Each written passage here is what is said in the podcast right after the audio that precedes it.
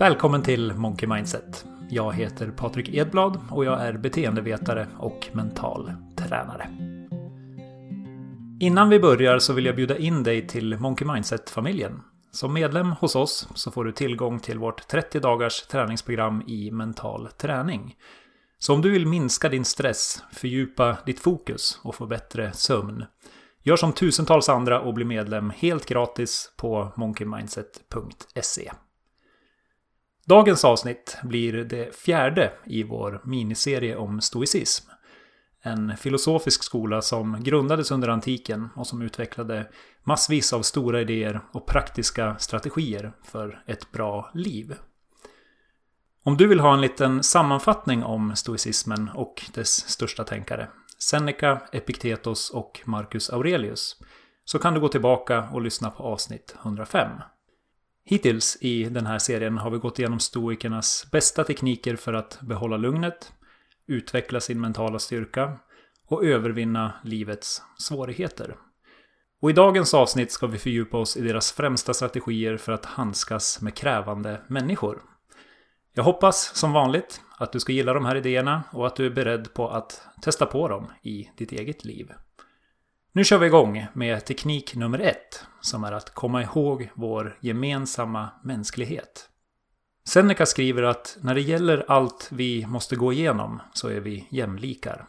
Ingen är mer sårbar än någon annan och ingen kan vara mer säker på att leva till morgondagen. Stoikerna menar att det finns ett gemensamt band i den mänskliga existensen. Vi måste alla gå igenom livets prövningar. Vi måste utstå smärta och sjukdom och förlora människor vi älskar. Vi är mycket mer lika varandra än vi tror och stoikerna uppmanade oss att komma ihåg det i varje interaktion vi har med andra. I sina självbetraktelser skriver Marcus Aurelius att vi människor är skapade för samverkan, liksom händer, fötter, ögonlock och käkar. Att motverka varandra är därför onaturligt. Så när du umgås med vänner, familj, kollegor och främlingar, bemöt dem alltid med respekt. Påminn dig själv om er gemensamma mänsklighet och att du inte vet vad den andra personen går igenom. Var närvarande och fokuserad i de stunder ni delar tillsammans. Det kommer att stärka er relation och förhöja din kärlek till och respekt för andra.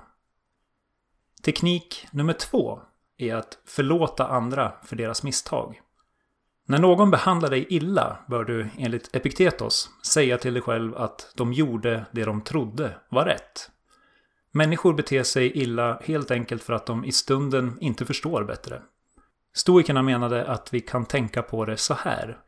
När någon behandlar dig illa så gör de det antingen omedvetet eller medvetet.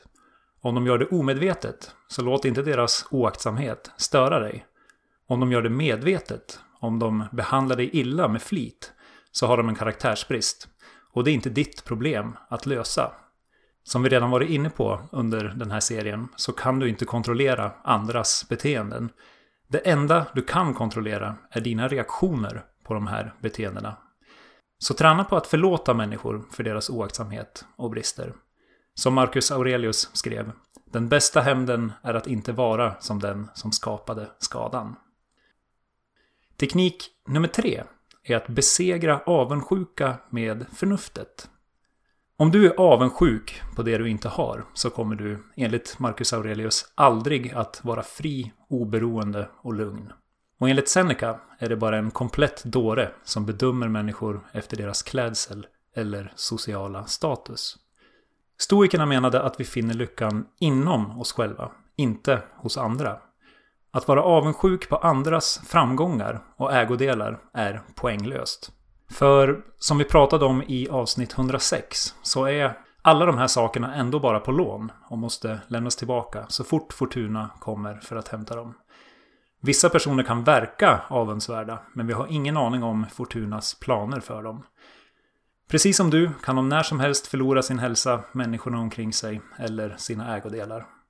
Och återigen så är allt det här dessutom helt utanför din kontroll. Så sluta slösa energi och tid på de här sakerna. Och fokusera istället på det du faktiskt kan kontrollera. Istället för att jämföra dig själv med andra, jämför dig med dig själv. Fråga dig själv vad du skulle kunna göra för att bli en lite bättre person idag än vad du var igår. Och ta varje dag små, små steg för att bli lite, lite bättre. Det är på det sättet, genom att utveckla dig själv, som du skapar sann lycka och tillfredsställelse. Och den fjärde och sista tekniken vi ska gå igenom idag är att inspirera andra genom handling. Har du svårt att få andra att göra som du säger?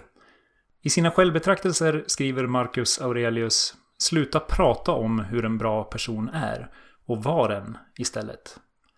Han menar att vi bör leda genom våra handlingar. Människor lägger i första hand märke till ditt beteende och sättet som du tar dig an livets utmaningar på. Så istället för att berätta för andra hur de bör agera, visa dem genom dina handlingar. Sluta prata så mycket och föregå istället med gott exempel.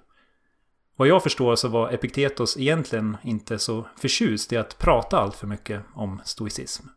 Så han hade nog inte varit jätteimponerad av den här podden utan hade nog hellre sett att jag uppvisade de här stoiska idéerna genom mitt beteende istället för att prata om dem.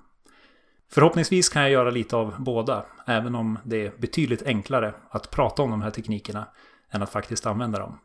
Men det är ett sidospår. Poängen här är att alltid komma ihåg att handling väger tyngre än ord. Så fråga dig själv i vilka avseenden du pratar lite för mycket och agerar lite för lite. Hur kan du justera ditt beteende så att du inspirerar andra genom handling? Det var alla tekniker för den här gången. Jag hoppas du fått några nya verktyg i din stoiska verktygslåda som du är sugen på att använda. För som jag troligen tjatar om alldeles för mycket så räcker det inte med att känna till de här idéerna. Du måste använda dem för att de ska göra skillnad i ditt liv. Så i numera vanlig ordning avslutar jag avsnittet med utmaningen att välja en av de här teknikerna vi gått igenom och använda den under den kommande veckan. Teknikerna vi gick igenom idag var 1. Att komma ihåg vår gemensamma mänsklighet. I dina interaktioner med andra, påminn dig själv om er gemensamma mänsklighet och att du inte vet vad den andra personen går igenom. Var respektfull, närvarande och fokuserad. Lägg märke till hur det här påverkar dina relationer och dina känslor för andra människor. 2. Att förlåta andra för deras misstag. Om någon beter sig illa mot dig, påminn dig själv att de gör det för att de inte förstår bättre. Den här personen är antingen oaktsam eller så har den en karaktärsbrist. Och det är inte ditt problem att lösa. Så träna på att förlåta andra och notera hur det påverkar ditt välmående. 3. Att besegra avundsjuka med förnuftet. Om du känner dig avundsjuk, kom ihåg att det är poänglöst att lägga tid och kraft på andras framgångar och ägodelar. För det första har du ingen aning om Fortunas plan för dem. Och för det andra är det ändå helt utom din kontroll. Så jämför dig med dig själv istället och ta dagligen små steg för att utvecklas som person. Hur påverkar det din lycka och tillfredsställelse? Och fyra, inspirera andra genom handling. Istället för att berätta för andra vad de ska göra och hur de ska agera, visa dem genom dina handlingar. Kom ihåg att handling alltid väger tyngre än ord. Så sluta prata så mycket och föregå istället med gott exempel.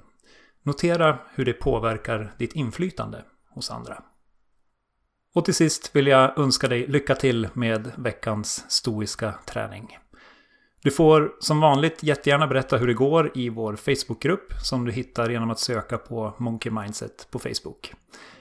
Nästa vecka är jag tillbaka med det femte och sista avsnittet i vår miniserie om stoicism. Om du vill så hörs vi då.